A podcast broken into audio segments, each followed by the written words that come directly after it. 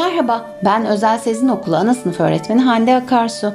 Size bir Çin masalından uyarlanan Güvercin Kral'ın Tohumları masalını anlatacağım.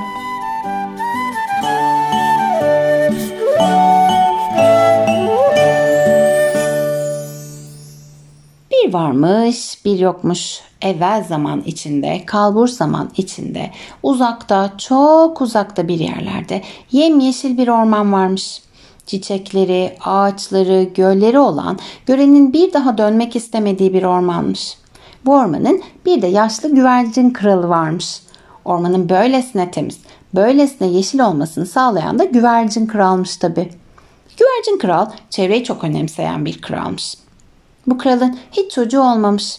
İlk başlarda çok önemsemese de yaşı ilerledikçe benim arkamdan ormanımı kim yönetecek, yerime kimi bırakacağım diye düşünmeye başlamış iyiliksever, dürüst, ormanın yeşilini koruyan, doğruluktan ve doğrulardan sapmayan biri kendisinden sonra kral olsun istiyormuş.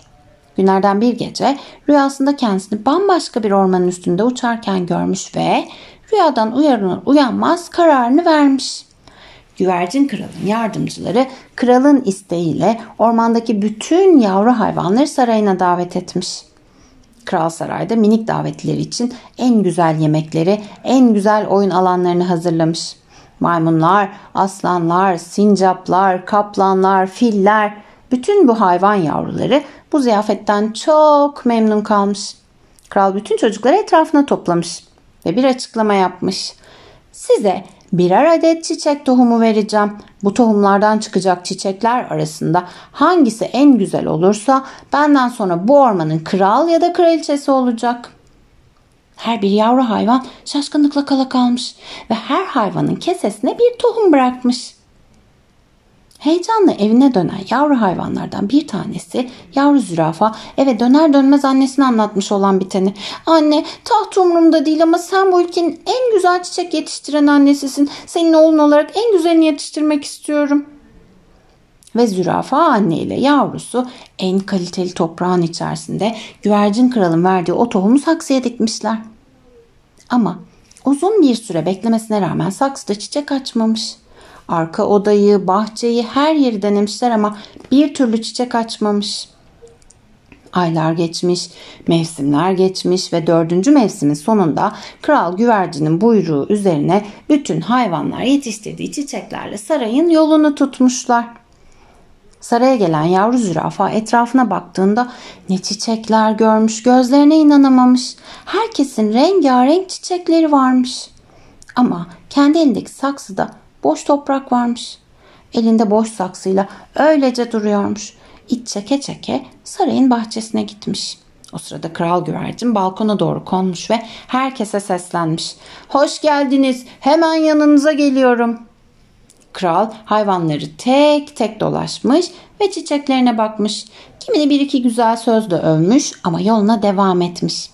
Kralın verdiği tohumu dikip hiçbir çiçek yetiştiremeyen yavru zürafanın yanına gelince onun saksısına bakıp çocuğum senin saksında çiçek yok ki demiş. Yavru zürafa ağlamaklı bir sesle evet güvercin kral maalesef benim tohumum bitmedi diye cevap vermiş. Ve kral balkona tekrar uçmuş. Ey güzel ormanımın çocukları, size benden sonra ormanı idare edecek adayı açıklıyorum. Yaşlı kral zürafayı kucaklamış ve kendisinden sonra onun kral olacağını duyurmuş. Meydanda yarışmanın sonucunu bekleyenler bu işe bir anlam verememişler. Bunca güzel çiçek varken nasıl olur da saksısı boş olan bir zürafa seçilir diye birbirlerine sormadan edememişler.'' Halkın merakını kral şu açıklamayla gidermiş. Benim dağıttığım çiçek tohumlarının hepsi daha önce sıcak sudan geçirilmişti. Yani hiçbirinden çiçek çıkma ihtimali yoktu. Ama sadece bu zürafa çocuk bana gerçeği olduğu gibi anlattı ve benim verdiğim tohum dışında başka bir tohum yetiştirmedi. Kandırmaya çalışmadı. İşte bu yüzden benden sonra o kral olacak demiş ve sonsuza kadar yeşillikler ve dürüstlük içerisinde bir ormanda yaşamaya devam etmişler. Gökten üç elma düşmüş. Biri bu masalı dinleyenlerin başına, biri bu masalı daha önce anlatanların başına, biri de masalın kahramanlarının başına gitmiş. Masal da burada bitmiş.